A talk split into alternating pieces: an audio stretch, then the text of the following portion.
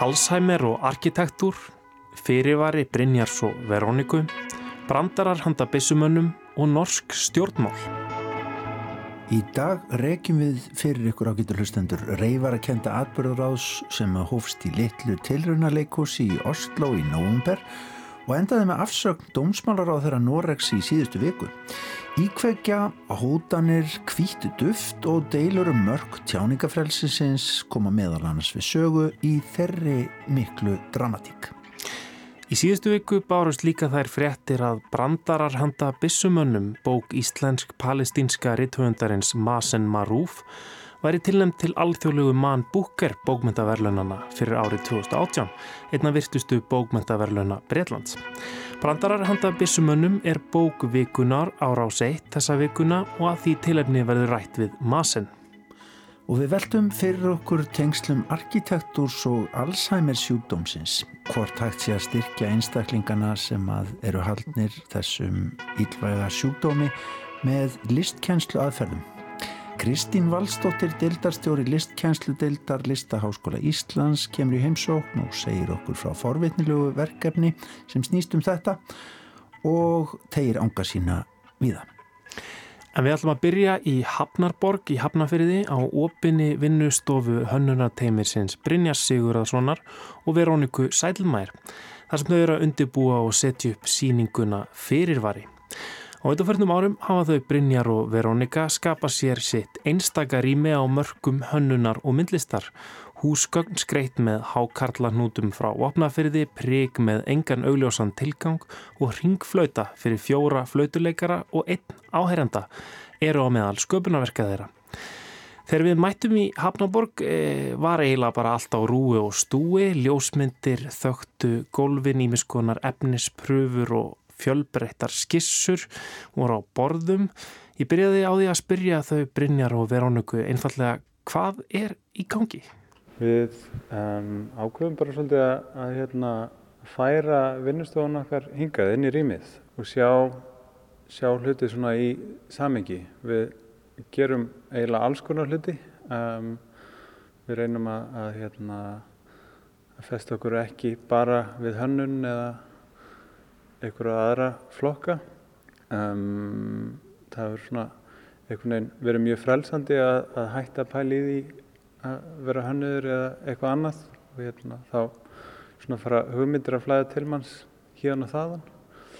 Þannig að eftir svona nokkur ára að hafa unni þannig þá, þá hérna, er maður alltaf inn um komið alls konar dót. Allt frá því að vera einhverjar formstúdíur og tekningar og ljósmyndir og, og hljóð og hljóðfari og svo framvegis. Þannig að já, þetta veginn bauð svolítið upp á það að bara leggja þetta allt út mm -hmm. og, og sjá hvort að það séu einhvers konar hérna, tengingar þar í gangi. Hvort að, hvort að þessi hluti sem við erum að gera tali saman á einhvern hátt.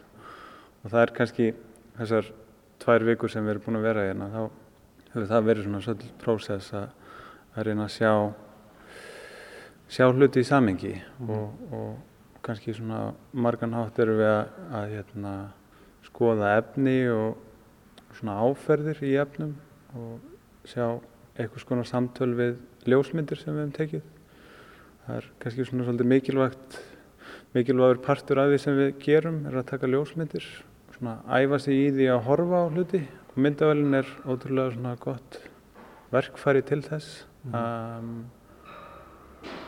og síðan eftir alveg, já, kannski svona átta ára af, af, hérna, af því að vera svona markvist að taka ljósmyndir þá fyrir maður að sjá eitthvað svona, svona hérna, minnstur sér maður að maður var að taka myndir af söpum hlutum fyrir átta árum og í dag og, og kannski ætti þá að gefa því eitthvað svona, gefa því meiri gaum.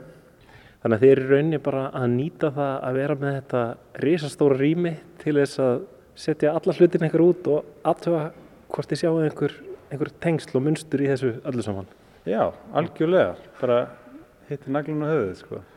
og það er náttúrulega líka bara já, ef, ef við erum einhvern veginn að ef við erum að draga eitthvað lærdom frá ferli síningarinnar þá kannski er líklega að fólk fá eitthvað út úr því líka. Að, að í, í þessu ferli er, erum við líka að hérna, læra og, kynnast nýjum hlutum og, og það kannski kemur, kemur svolítið fram í síningunni.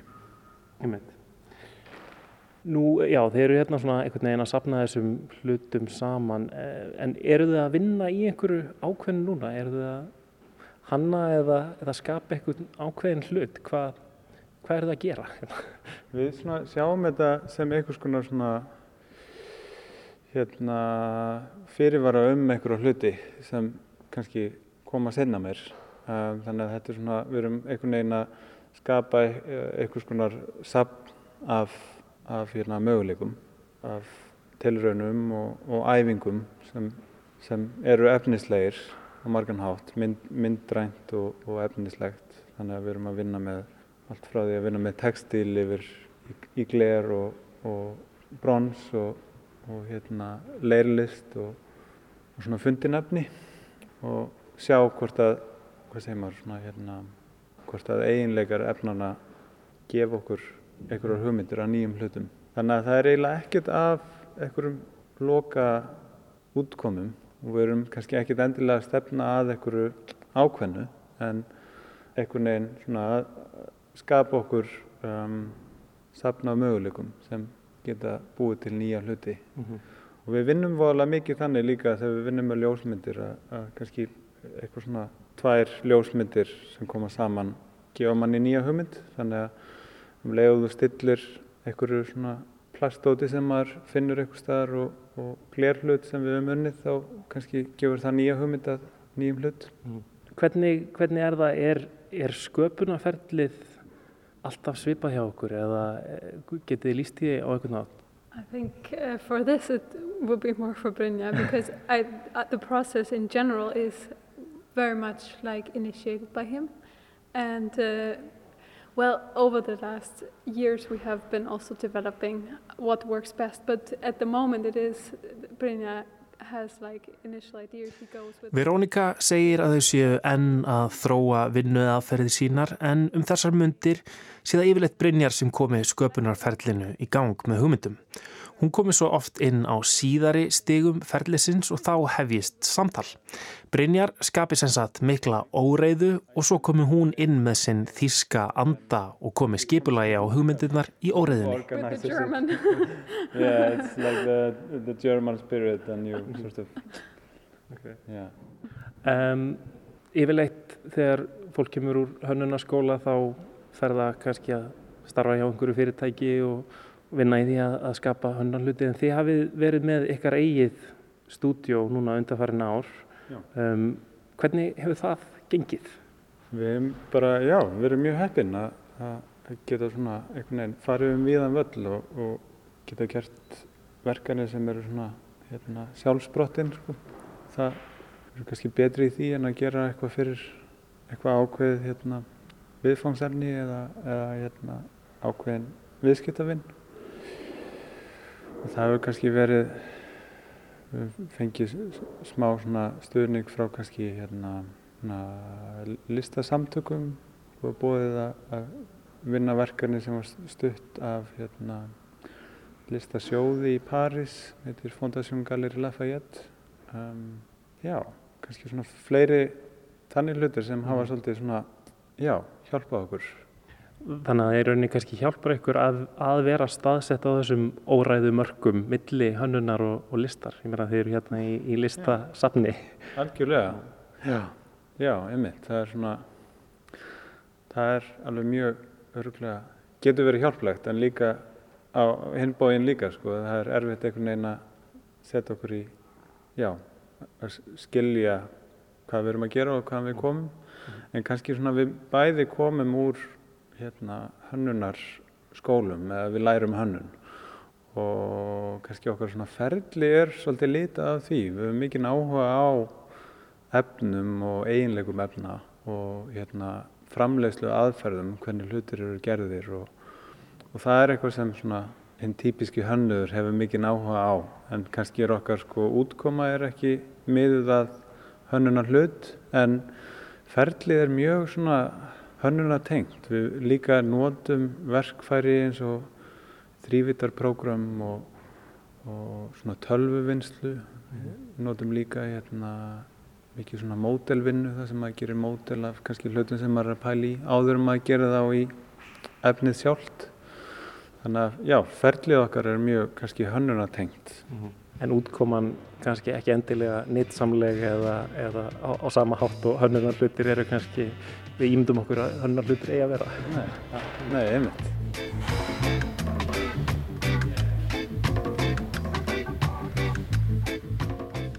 Hérna erum við með ímiskonar svona glæra og svona kannski hálf gagsæja hluti, efni og ímislegt. Hva, hvað er þetta?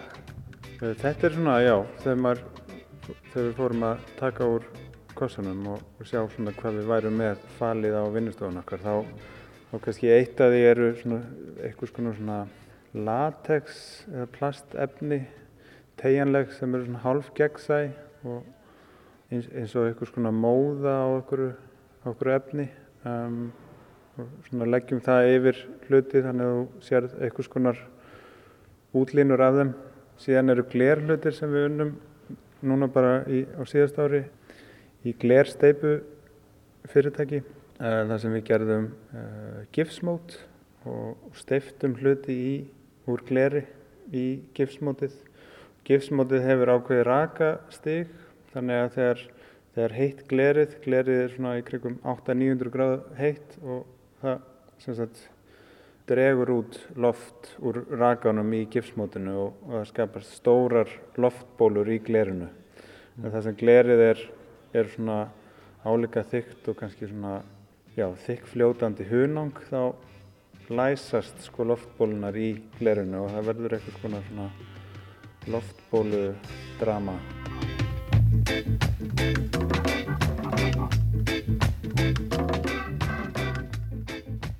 Í okkur vinnu þá reynum við svolítið að leifa umhverfinu sem við erum í að hverju sinni tala svolítið í gegnum okkur. Við sjáum okkur kannski frekar sem þýðendur en sköpuður og, og hérna og búið til París að gera verkanir þar og í París þar er, hérna, eru sviðslistir og, og ópera og dans og, og það allt. Það er svona eiginlega álíka mikilvægt og, og hafnarumhverfið á Íslandi sko. Þannig að það var einhvern veginn svolítið svona bauð okkur að, að stíga inn á það svið og þar á einhverjum tímpunkti kemur upp þessi hugmynd að því að gera flautu sem er ringur spiluð af fjórum flautuleikurum fyrir einn hlustenda í miðju flautunar. Það er einhvers konar bara skissa og, og, og, og séðan svona hægt og rólega fyrir að pæla í því getur, getur verið að sé eitthvað til í þessu, er, er þetta kannski eitthvað áhugavert. Er þetta fyrstu skísunnar af, af ringflutunni eða hvað? Já, það lítið svolítið svona út sko. Og síðan á, á einhverju tímbúndi þá förum við í tónlistaskóla í útjari Parísar og, og byggjum flautunemundur í hátegisli að spila fyrir okkur í ring. Og þá kannski svona áttum við okkur á því að hérna, það er eitthvað eitthvað svolítið merkilegt, eitthvað neginn í því að vera í miðju fjöra flauta sem koma allar til þín.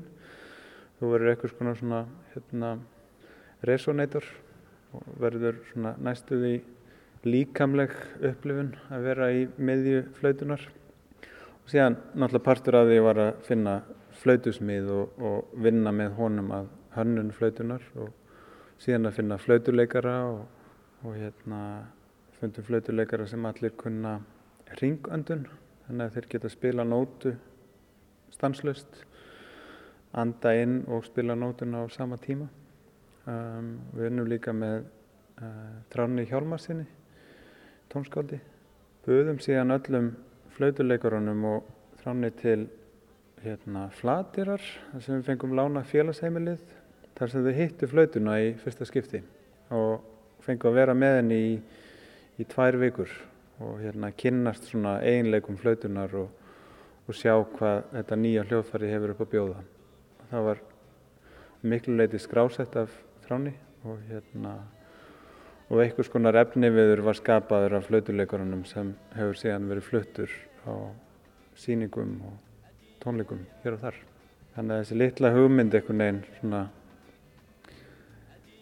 gaf af sér einhvers konar ferðalag sem er ennþá í gangi og, og, og margan hátt einhvern veginn örðu við bara einhvers konar svona bændur og við þurftum bara hérna var bara einhver hugmynd og, og síðan var það bara að sá og planta sko.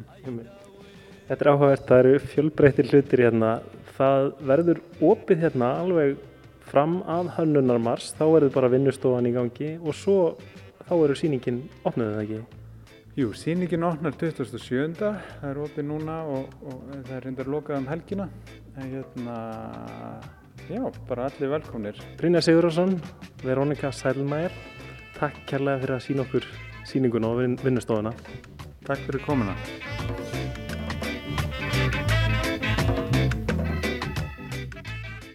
Góður hlustendur, Dómsmála ráðherra hefur sagt af sér að minnst okkur tímabundið stíið til liðar eins og það heitir hér á landi. Það sem danslistin er svo mikil smetinn að líkingamál stjórnmálana er meira segja tekið úr kóreografjöni. En það var ekki bara hér á landi sem Dómsmála ráðherra steg til liðar í síðustu viku, heldur einnig í nágrannarlandinu Noregi. Og þar er það ekki hið pólitíska leikhús sem þvingaði fram afsögn dómsmálaráðherrans heldur hið raunverulega leikhús, lítið framústefnu leikhús í Röðilokka hverfinu í Oslo. Blackbox Theater hefur verið í eldlínu norskra stjórnmála undarfarna mánuði vegna heimildasýningarinnar Ways of Seeing eða Áhorsleiðir sem var frumsýnd í loknóambur og hefur hrind af stað, já, eiginlega reyfarækendri atbyrðarás sem hefur skekið norsk stjórnmál undarfarna vikur. Ways of Seeing er heimildaleiksýning eftir Píu Marju Roll og Marius von der Fer, síning sem fjallar um stöðu innflytjenda sem koma til Noregs, flýjandi frá fordómum og rasisma en upplifa þá ekki síður en kannski á lúmskari hátt í fyrirheitna landinu Noregi. Tveir innflytjendur, hinn allsýrski Hanan Benamar og hinn kurdíska Sara Baban, standa á sviðinu og setja reynslu sína í stærra samhengi með hjálp fyrirandi hæstaréttadómara í landinu og leikhúslistafólksins. Sýningin kufera tilrönd til einhvers konar kortlagningar á duldu neti fordóma sem er inngreift í norskar stopnanir og samfélag.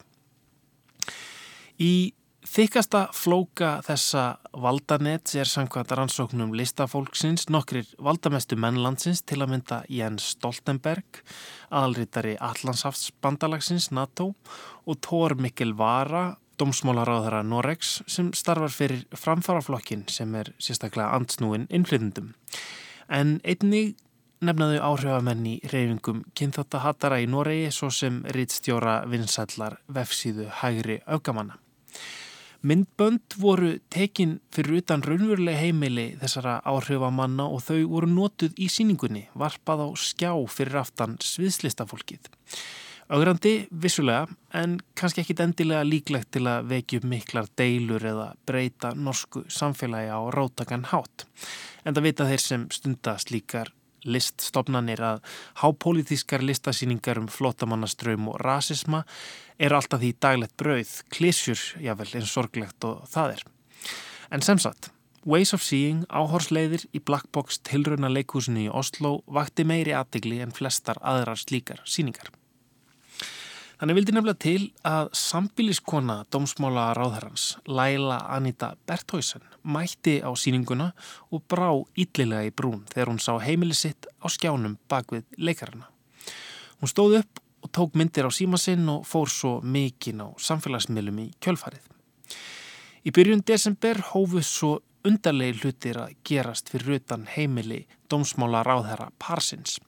Rasisti var spreyjað með rauðum úðabrúsa og húsvegg og Berthausen setti þetta strax í samhengi við leiksýninguna og ákvaða að kæra leikhúsið fyrir brot á friðhelgi engalífsins. Ráðherran sjálfur, Tór Mikkel Vara, sem hefur almennt verið talinn í hófsamari armi framfaraflokksins, sagðist ekki upplýða þetta sem árás á sig sjálfan beint, heldur hreinlega árás á líðræði í Noregi, en það hafi þarna verið reyndað ógna líðræðislega kjörnum fulltrúa þjóðarinnar og reynda að koma í veg fyrir hann syndi hlutverki sínu af heilindum. Og ógnaninnar heldu áfram og urðu stöðugt alvarlegri. Í janúar var kveikt í ruslatunnu fyrir utan heimili parsins. Í februar voru flöskur með eldfimum vökva festar við púströrið á bíl vara. Í byrjun mars fekk sambílisfólkið svo sendt hótunabref með kvítu dufti sem reyndist, guðblessunarlega, þó ekki eitrað eða hættulegt. Og fyrir rúmri viku, þann 10. mars síðastliðin, var kveikt í bíl þeirra. Staðan var sem sagt orðin graf alvarleg. Gaggrínisrattir í garð leikúslista fólksins og tilrauna leikúsins urðu nú stöðut háværari. Fossetisráðherran Erna Solberg sagði slíka gjörninga vera vandkvæðum bundna og jafnvel geta gert stjórnmálum erfitt fyrir að starfa af heilendum. Og það sem margir lásúr orðumennar var að leikúsið væri orðin hálgerð ógn við líðræðið. Laureglan sem starfar auðvitað undir dómsmálaráðherranum fór nú í það að rannsaka málið en frekar og gerði leit á heimili leikúsfólksins. Þetta vakti mikla reyði meðal kollega þeirra í landinu. Listamenn og ýmsir málsvarar tjáningafrelsisins fordæmdu lögreglu aðgerðnar og sögðu að þarna væri ríkisvaldið að þrengja að listinni. Þetta væri aðförð að tjáningafrelsi listamanna. Rökin voru að myndatakan hafi verið hluti af listaverkinu nöðsynlegur hluti af listrætni tjáningu leikúsfólksins.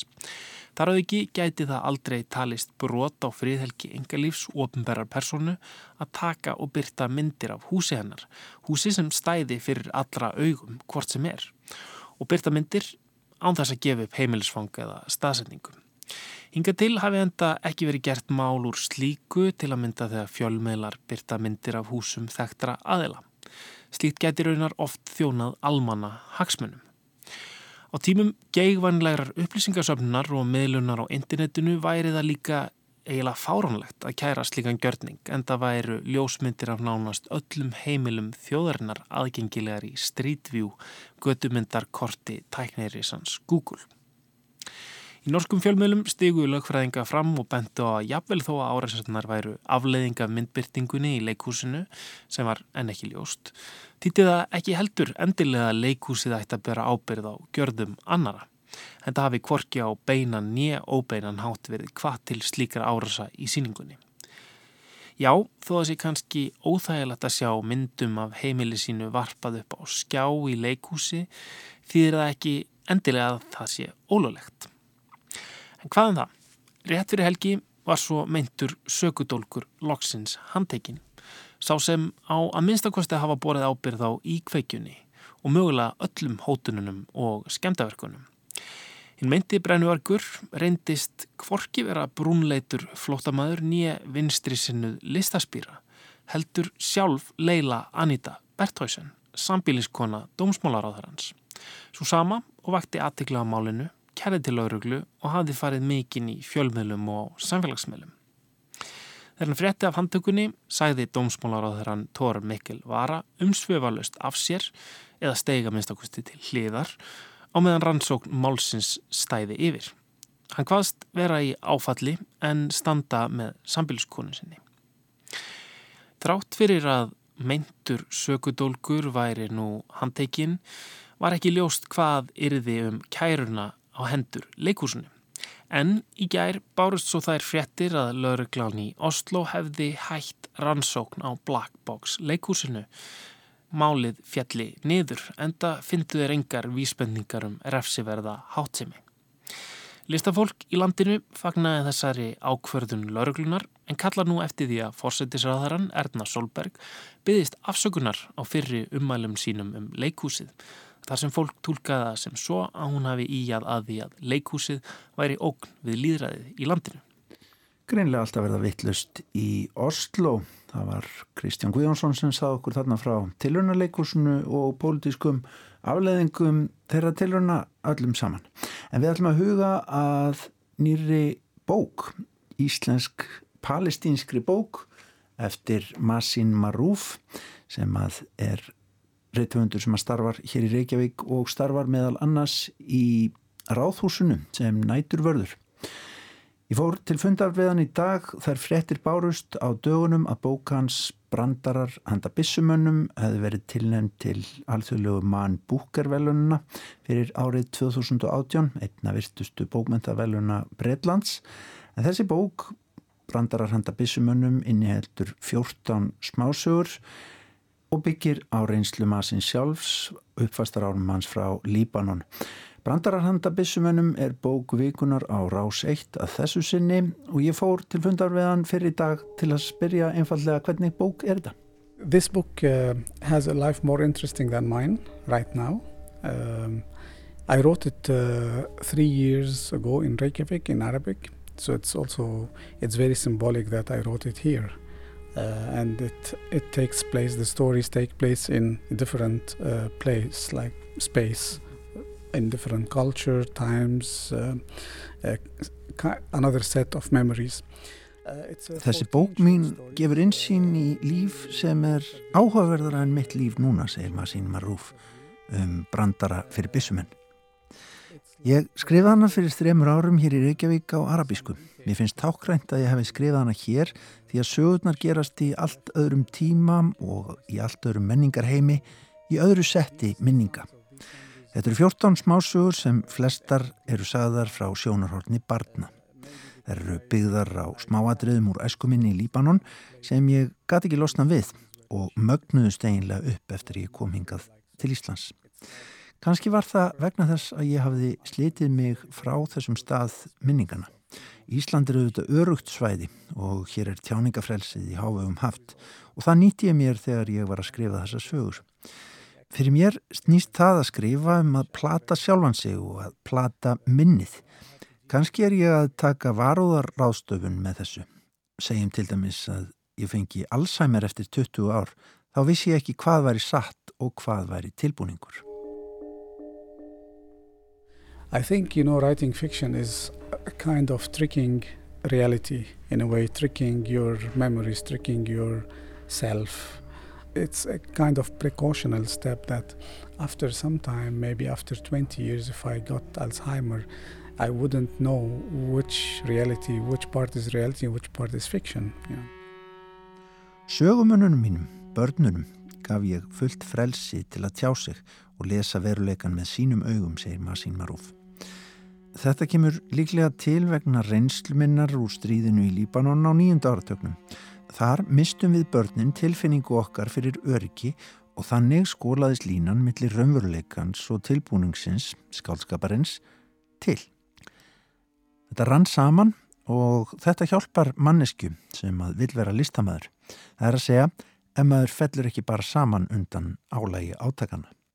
Húmor stundum daldi súrælískur gegnir miklu hlutverki í bókinni og Masin Marúf segir húmórin frelsamann frá sásökunum. The children in these stories were given uh, all the freedom to, to speak out, to express, to read the reality and I think this is mainly coming from uh, the fact that when I was kid and I lived the war years in the 80s in Lebanon, we as children we lost the sense of security, and when the sense of security cracks, then you kind of lose the thin line between fiction and reality. So reality becomes fiction, fiction becomes reality. You know, they all uh, like come through each other, and and this helps like if you want to be an artist or writer maybe you can get used to you can get use of that you know like use it for some time otherwise people you know like collapse and and they yeah it can it can be good only if you want to do something artistic out of it otherwise it really confuses you for the rest of your life Á stríðstímum verður upplifun manns einhvern veginn þringri Það er eins og stríðið þjappist inn í manni. Maður vil halda lífi og erfileikarnir eru við að kæfa mann. Þessi síkilda jafna millir harmlegs og hómors er mjög frelsandi þegar maður skrifar um reynslu sína eftir á. Ég ætlaði mér ekkert endilega að skrifa húmoríska bók en ég vildi kannada hvað þetta barn sem að býr líklega innra með mér er að gera og hvernig það bregst við þeim aðstæðum sem ég skapaði í söguminni. Ég komst að því að þetta barn er fíldjarvara, hugmyndaríkara og kjarkaðara og klikkaðara en að ég var á þessum árum í Líban. Þessi krakki er meira heimsbyggilega þengjandi og lætur ekkert stoppa sig. Hann er tilbúin að bjóða öllum byrgin, jafnvel þungvopnuðum bissumönnum í borgarstríði. Hann lætur hörkulífsins ekki stoppa sig og vil vera harður. Með þessu vil ég minnast æskufélaga minna sem týndu lífi í átökunum. I didn't intend to write these stories in a humor way or like this to build up this re relation, but But I found out that this child that I wanted to check upon him and who's living in me, I guess, uh, I wanted to see how he's living now, what he's doing, or how he would react if I put him, if I take him out of me and put him in this fictional set of, you know, events that is a little bit more or less similar to the set that I personally lived.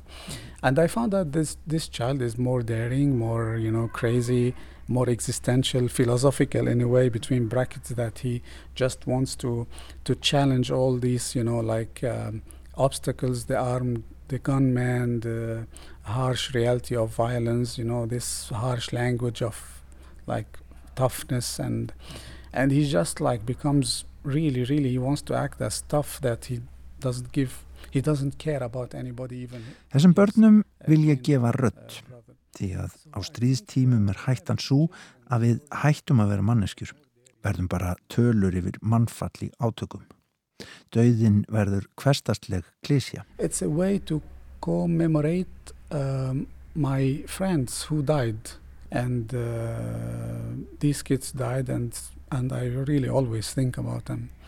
So I think it's also part of like uh, uh, giving these absent children, you know, uh, the voice again because also me and my like alive friends, we were also absent, you know, in a way like that you don't have really a voice in the times of war. You're just like uh, a number or you're too like objectified, you know, and then your the death becomes something senseless because it happens every day. It becomes the cliche of everyday life.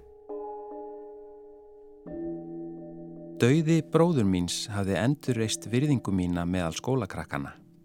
Þeir hættu að gera grína mér vegna þess að það hefði verið óviðegandi að hlæja að skólabróður sem hafi mist heyrnalausan bróðu sinn í sprengjuarós. En fyrir föðu minn rættist ekki á sama hátt úr hlutunum. Sú staðrind að hann hafi mist barnið sitt var til þess að bissumennir gerði sér ljóst að hann var ekki bara veiklindur heldur líka hryggur. Í stað þess að segja við erum hér til að vernda þig eftir að hafa lumbrað duglega á honum fundu þeir nú upp á því að byggja hann að segja sér brandara. Svona nú, segð okkur brandara áður en þú ferð, gefðu þér góðan tíma, sögðu þeir. Svo að faði minn var það að rifja upp einhvert brandara. Fyrir framann hóp af bissumönnum verður maður auðvitað að vera góður sögumadur til að fá að fara frjáls ferða sinna. Maður verður að segja sögu sem er sannfærandi, skemmtileg og mjög stutt og hún verður að koma fólki til að hlæja ólíkt þessari sögu til dæmis. Við fórum að verja meiri tíma saman, ég og faði minn. Enda þótt sorgartímabilið eftir dauða hirnalösa bróðu mín stæði enn, urðum við faði minn að semja brandara saman. Brandara fyrir vikuna, einn brandara á dag, bara fyrir bissumennina. Og hver einasti brandari var það að vera beittur og stundum dónalegur. Faði minn sagði, hafðu engar áhyggjur, Þú getur nota dónaleg orð. Það sem máli skiptir er brandarinn. Móði mín gæti ekki tekið þátt í þessum kvöldverkum. Vegna þess að hún var móðir látna drengsins var hún í dýfstu örvendingu, náföl, þögul og mögur. Dauði bróði míns virtist hafa hólaðan að innan. Ég verða viðkjanna að brandarannir voru ekki góðir. Að minnstakosti komiðin mér ekki til að læja. Enda þótt ég aðstóðaði við að búa þá til, fattaði ég fæsta þeirra. Á hinbógin taldi faði minn á standa fyrir sínu. Hann brosti feginsamlega í hvert sinn sem við lögum við að hnoða saman brandara. Þá var eins og dagsverkinu væri lokið og hann geti rifið þennan dag af vegg almanakinu. Stundum eitum við öllu kvöldinu í að skálda fyndna sögu en stundum urðum við að fara mjög snemma á fætur sitja saman við eldursporðið og ráða ráðum okkar, kvíslandi meðan við reyndum að finna rétta hápunktin fyrir brandara sem enn þurfti á slíkum að halda. Stundum leitaði ég til eldri krakka í skólanum eftir hjálp. Ég baða á að segja mér brandara sem fengi fólk til að hlæja. Hlæja alveg rosalega og þeir urðu við beðni minni. Fullir samúðar enda trúðu þeir því að ég þyrsti á brítni uppörfun að halda vegna þess að ég hefði mist tvíburabróðu minn. Þeir sögðu mér nýjustu brandaranna sem þeir hafðu heyrt og ég sagði föðu mínum þá á kvöldin. Því næst fórum við að lagfara þá til að þeir væru öruglega alveg splungu nýjir og enginn hefði hýrt á fyrr. En alltaf þegar við höfum lokið við að semja brandara tók ég eftir því að faði minn var eldri að sjá.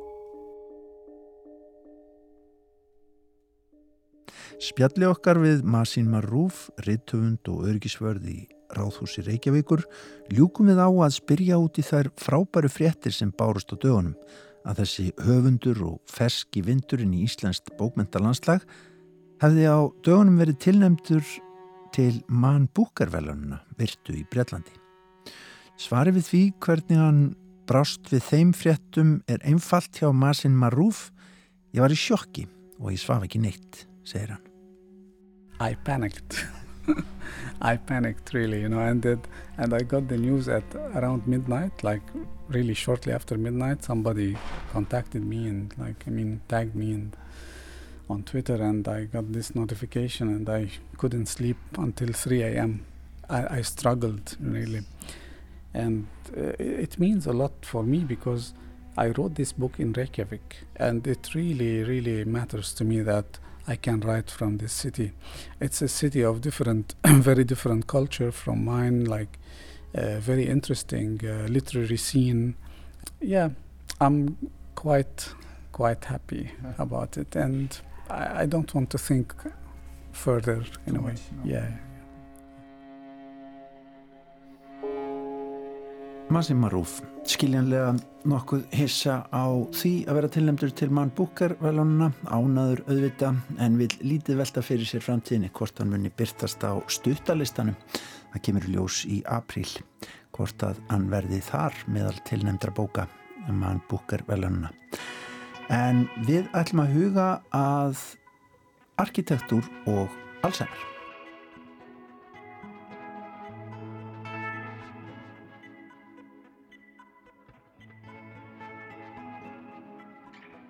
Kristín Valstóttir, velkomin í Vísjá.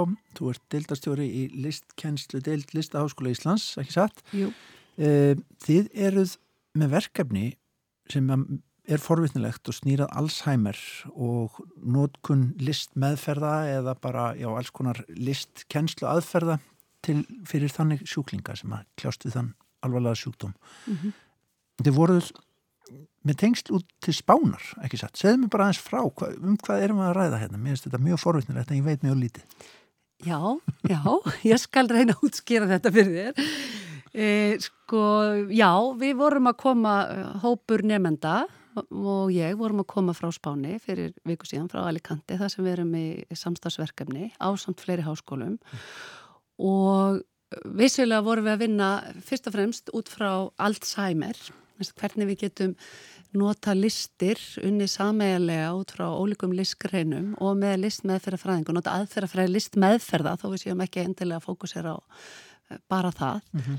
og hvernig við gætum uh, fundið og þróa leiðir og hugmyndir að því hvernig við getum raunverulega svona dreyið fram manneskjuna á bakvið Alzheimer uh, engininn öll eru við einstaklingar og, og þó að við sagt, einhver okkar lendi í þessum hremmingum að, missa svolítið minnið og, og tökina á því hvar við erum stedd í tilverunni mm -hmm. að þá er einstaklingunum þannig bakvið mm. -hmm. og hann er einhverju alltaf hann er sá sem hann er og með sínar minningar og, og sitt líf. Þannig að við erum að reyna að hugsa sko einmitt ekki að því að það er sjúkdómur og, og sem er tala og þetta auðvitað er þetta alvarlegu sjúkdómur. Mm en við erum að reyna að hugsa, við tölum kannski um manneskjuna sem lifir með Alzheimer mm. mm. frekar heldur en hérna sjúkdómin mm. og þetta er kannski bara þú veist ákveði hugarfart til að hugsa það ekki sem eitthvað sem við getum lagað, af því þetta verður ekki lagað Nei, korki með pillum eða öðru uh, en við getum gert líf uh, einstaklinga bærlara -hmm. og jável bara doldi gott mm. ef við fókunserum sko á þann þátt Hvaða aðferðir, þið voruð að skoða doldið arkitektúr þarna Já. sem að, sem að maður skilur ekki alveg hvernig ég aðstofa við þetta. Nei, nei, ég er tónlistakennari sko. Ég, það þurft að samfæra mig líka. En, en hérna, bara svona til að setja þetta í samhengi, þá er þetta partur af hérna tveggja ára hérna verkefni sem að listkjænsli til leiðir og fekk hérna styrk fyrir síðasta sumar upp á rúma 27 miljónir íslenskar mm. til þess að þróa eh, nýja námsbraut á mestrastíði fyrir listamenn sem vilja fókusera á uh, félagslega uh, sam, hvað kallast inclusion á íslensku, ég þarf að leita að því. En sérst að, að, að vinna því að sam, samvinni fólks í gegnum listir mm. og ólíkar greinar uh, og fókusera á það að við erum að vinna með hópum sem eru sko, í hættu að vera jáðasettir mm og þetta er þá fleira, við ákvaðum að fókusera í þessari, þessari umsókn og þessum styrk sem við fengum á fólk sem að lifir með Alzheimer. Mm.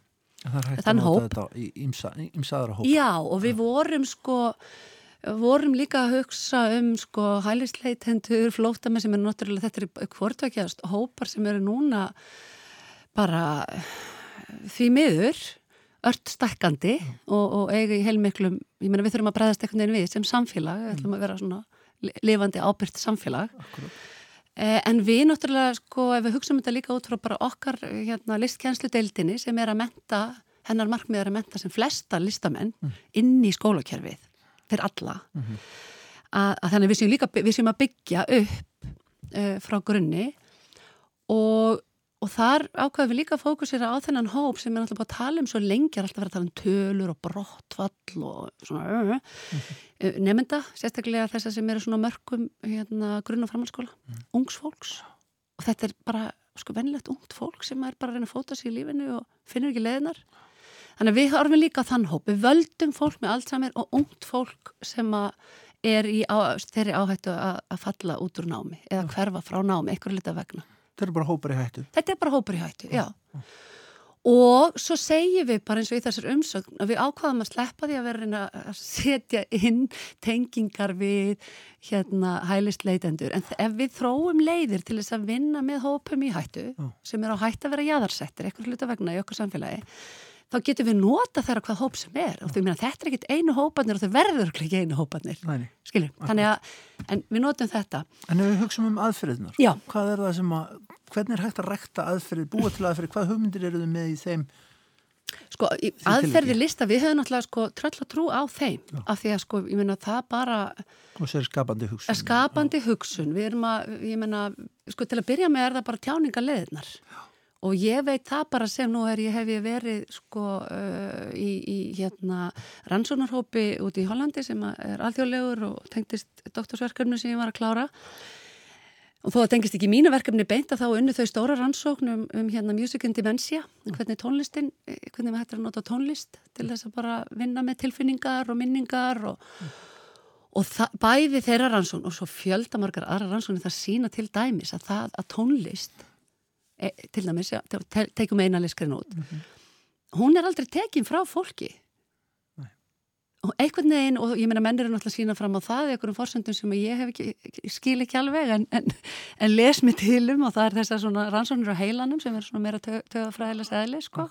Hún sapnast upp Já, hún er ekkit á einum stað, hún er tenging á millis og margar staða. Já og ég held bara að það á við miklu fleira við tjáum okkur, ef við missum máli þá getum við tjáð okkur í gegnum sko málun eða mótun eða uh, ólík form ja. sem eru okkur eðlileg reyfingu mm -hmm. að reyfa sig til dæmis við tónlist það þarf ekki að vera, sko það þarf ekki að stökk út á golf, mm það getur verið falið í bara þessari, sko, þessum litlu reyfingum að, en við erum alltaf þar erum við að sækja eitthvað sem við erum og kunnum mm -hmm. Hvað með arkitektur? Arkitektur, þarna komstu með það. Alzheimer og arkitektur mér finnst það mjög forutnum Já, þetta var alveg ríkalega spennandi. Mm. sko það kemur þannig til að samstarfsaðili okkar eitt, sko, þetta eru samstarfsskólar í þessu stóra Erasmusverkefni, þannig frá Finnlandi og frá, frá hérna Porto Alicante, Breitlandi og Þísklandi mm. og í Alicante eru samstagsæðalinn uh, Javier mm. og Haldóra Arnardóttir sem hefur unni mikið með þau eru sem sagt Jón mm -hmm og hún hefur unni mikið að, með fólk með Alzheimer sem lifið með Alzheimer við ólíkum svona um, listverkamnum mm -hmm. en Javi er, er, er kennar eða profesor við Háskólinni Alicante í arkitektur mm -hmm. og hann er arkitekt mm -hmm. og hann var beðinum fyrir tíu árum að hanna hús fyrir fólk með Alzheimer sem lifið með Alzheimer og það var eiginlega upphafið að bæð, sko eiginlega vinnu þessara hjóna Já. a- yfir umlaðan áratug í að, að ebla lífsgæði fólks með Alzheimer og, og sjá hvernig, hva, hvað hægt var að gera. Sko það er hugmyndin í þessu líka að við, sko ég menna manneskjan lifir ekkit bara í einu í tómi og ég sem tónlistakennari á ekkert bara vera einhvern veginn að fókusera bara á tónlistakennaran eða ég sem kennari sko ég verið að sjá nefnandan í heild hvor, á hvað aldrei sem hann er. Og, og, og hérna ef við erum að horfa á fólk sem að lifa með Alzheimer ég menna það er svo margt sem að hægt er að taka það inn. Og eitt af því er rými. Og, og ég er rými er partur af líf okkar allra. Akkurat, akkurat. Þannig það er svo augljóst þegar sko hann var búin að þegar Hafi var búin að samfæra mig, undirbúinisfundinu var ég nú ekki alveg samfæra bara, en, en hann hérna, hann lagði upp þetta briljant prógram semst út frá sínu fæi að vinna líka með hans nefnendum að hann var með hérna frábæra bækur eftir hérna arkitekt sem heitir uh, Rem Koolhaas og er hollenskur en hann setti upp s- sýningu á Fenja tvíðaringnum held í 2010 eða eitthvað slíkt í arkitektur og gaf út bækur, svona svo lítil þemahefti, um svona grunn element í arkitektur sem er bara gólf, veggir, loft, gluggar, eldstæði og svo framvegis, rampur. Og þetta er bara fyrirbæri sem við lifum í. Já.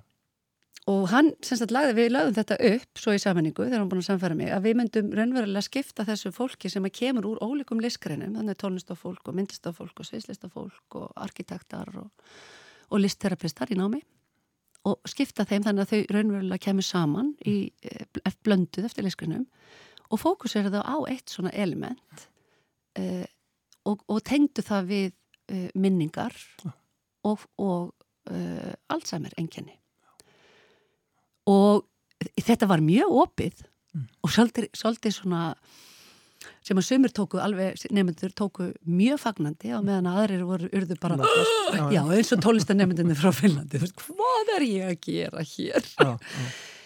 Uh, en þannig er bara með allt hérna, listrænt ferli eða bara ferli sem þú ákveður einhvern veginn að spurningin er opinn og, og, og ef þú þorra að leggja stað og, og treysta hér sjálfuð þér samverka fólki á ferlinu þá komu út úr þessu alveg sko dásamlega lausnir.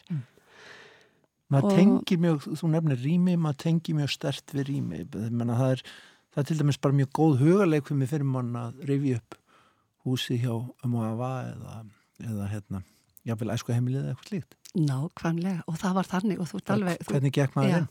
Þetta kveikir alveg á þér eins og, eins og hugmyndin var af því að ef við erum að tala um að maður, maður missir sam, sam, samhengi og minni þegar maður hérna, uh, er með Alzheimer þau enkenni að þá er þetta spurning hvað þetta ef ég sé glugga?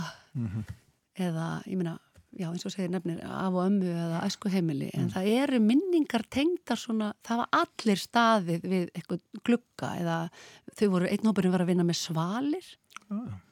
Og, og sko þau unnu nákvæmlega eins og þú ert, ert núna að kveikja á. Þau byrjuðu á þessu byrju, hvað hva dettur mér í hug, byrju, við hvað tengi ég? Veist, þetta var rosalega mikil svona, svona bara eh, listræn og hópavinna. Eh, en svo fenguðu fyrirlestra um, um hérna, til dæmis frá Javier um, um hans vinnu við að struktúrera eða eh, byggja hús fyrir fólk með Alzheimer Svo takið En- þið þetta, þetta allt þetta bæði úr þessari smiðju og úr öðrum í þessu verkefni þið búið til það er sem sagt loka eða ekkit líklega byrjunarpróduktið ef það er farið, að það er að búa til námskrein sem fjallar um þetta. Hvernig getum við notað list, listir til þess að bæta líf fólks, hópa, ólíkra hópa? Já, sko, það er svona loka, loka Já. markmiði að því við ætlum að búa til sko, hérna, námsbraut. Mhm. þá þurfum við að vita hvað hva, hva hendar svona ólíkum hópum. Einmitt. hvernig fáum við þau til að vinna saman og hvernig, hvernig getum við sett þau eins og í þessu tilviki sem að gekk mjög vel, þetta var rosalega erfitt á köplum en sko það sem að kveikir í mann og breytir mann eitthvað það er aldrei auðvelt. Nei, nei. þannig að það má eiginlega segja að það sé svona hérna kostur, þetta var ekkit eitthvað Nei. bara dansa rósum en það, sko fyrir okkur að fá við, við erum að leita hvað, já, hvað virkaði hvað gekk ekki, hvernig hefði við viljað sjá þetta öðruvísi og, og svona út frá því hva, hvaða eh, hvernig við þróum námsbreytina sjálfa Það er spennandi að fylgjast með því Já, það er rosa spennandi. Og- Mér finnst og- þetta og reikala spennandi. og, og fullt af möguleikum Fullt af möguleikum. Og ég menn eftir þessa viku sé ég sko öll þessi, sko ég er horfi á loft, uh, hurðir og öll þessi element á einhvern allt annan hátt. Já. Og ég verð bara það að segja bara, bara eitt dæmi af því það var svona með hurð, þar voru sko saman tónlistamæður, sviðlistakona hérðan og svo uh, hérna ítalskur arkitekt Já. og svo komu inn fleiri frá arkitekta frá, frá Spáni og þetta bara, hvað gerum við við hurðina og bara svona loka útgafa þeirra eftir mjög erfiða fæðingu og, og, og meðgöngu var að þær hönnuðu hurð og þær, þær gerðan að lokum alveg bara smíðuðu Mm. og sett af hana strengi þannig að þetta var svona svo harpa. Og, og á henni var snerill. Þannig að, og þessi tugmyndafræðin var hvað gerir ég ef ég þjáist eða er með þess að liða með Alzheimer, ég vakna upp með það nótt eins og fólk gerir, ég veit ekki hvað ég er en ég er læst inni af því að annars geti ég farið mér að voða.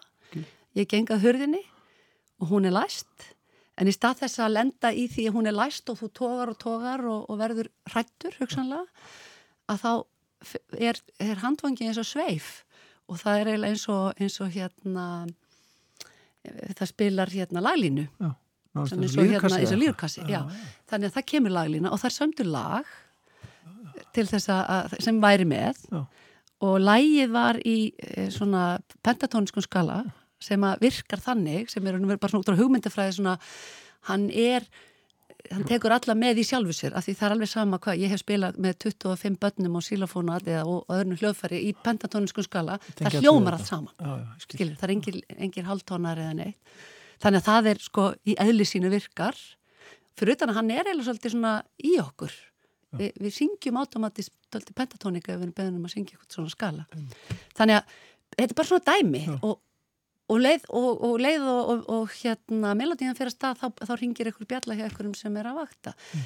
Og þetta útfærið það svo fallega byggu til að, byggu til hurð og strengirnir á hurðinni getur við líka verið til þess að bara spila með. Þetta var bara svona eitt dæmi. Já, það heyrum þetta fyrir okkur. Já. Takk kærlega fyrir komuna Takk fyrir mig. Kristín Valstóttir, deildastjóri listkjænslu, deildar Listaháskóla Íslands. Já, við ljúkum Vísjá í dag á tengslum Alzheimer sjúkdómsins og arkitektúrs forvitnilegt verkefni þannig á ferð. Takk fyrir að hlusta, verið sæl. Verið sæl.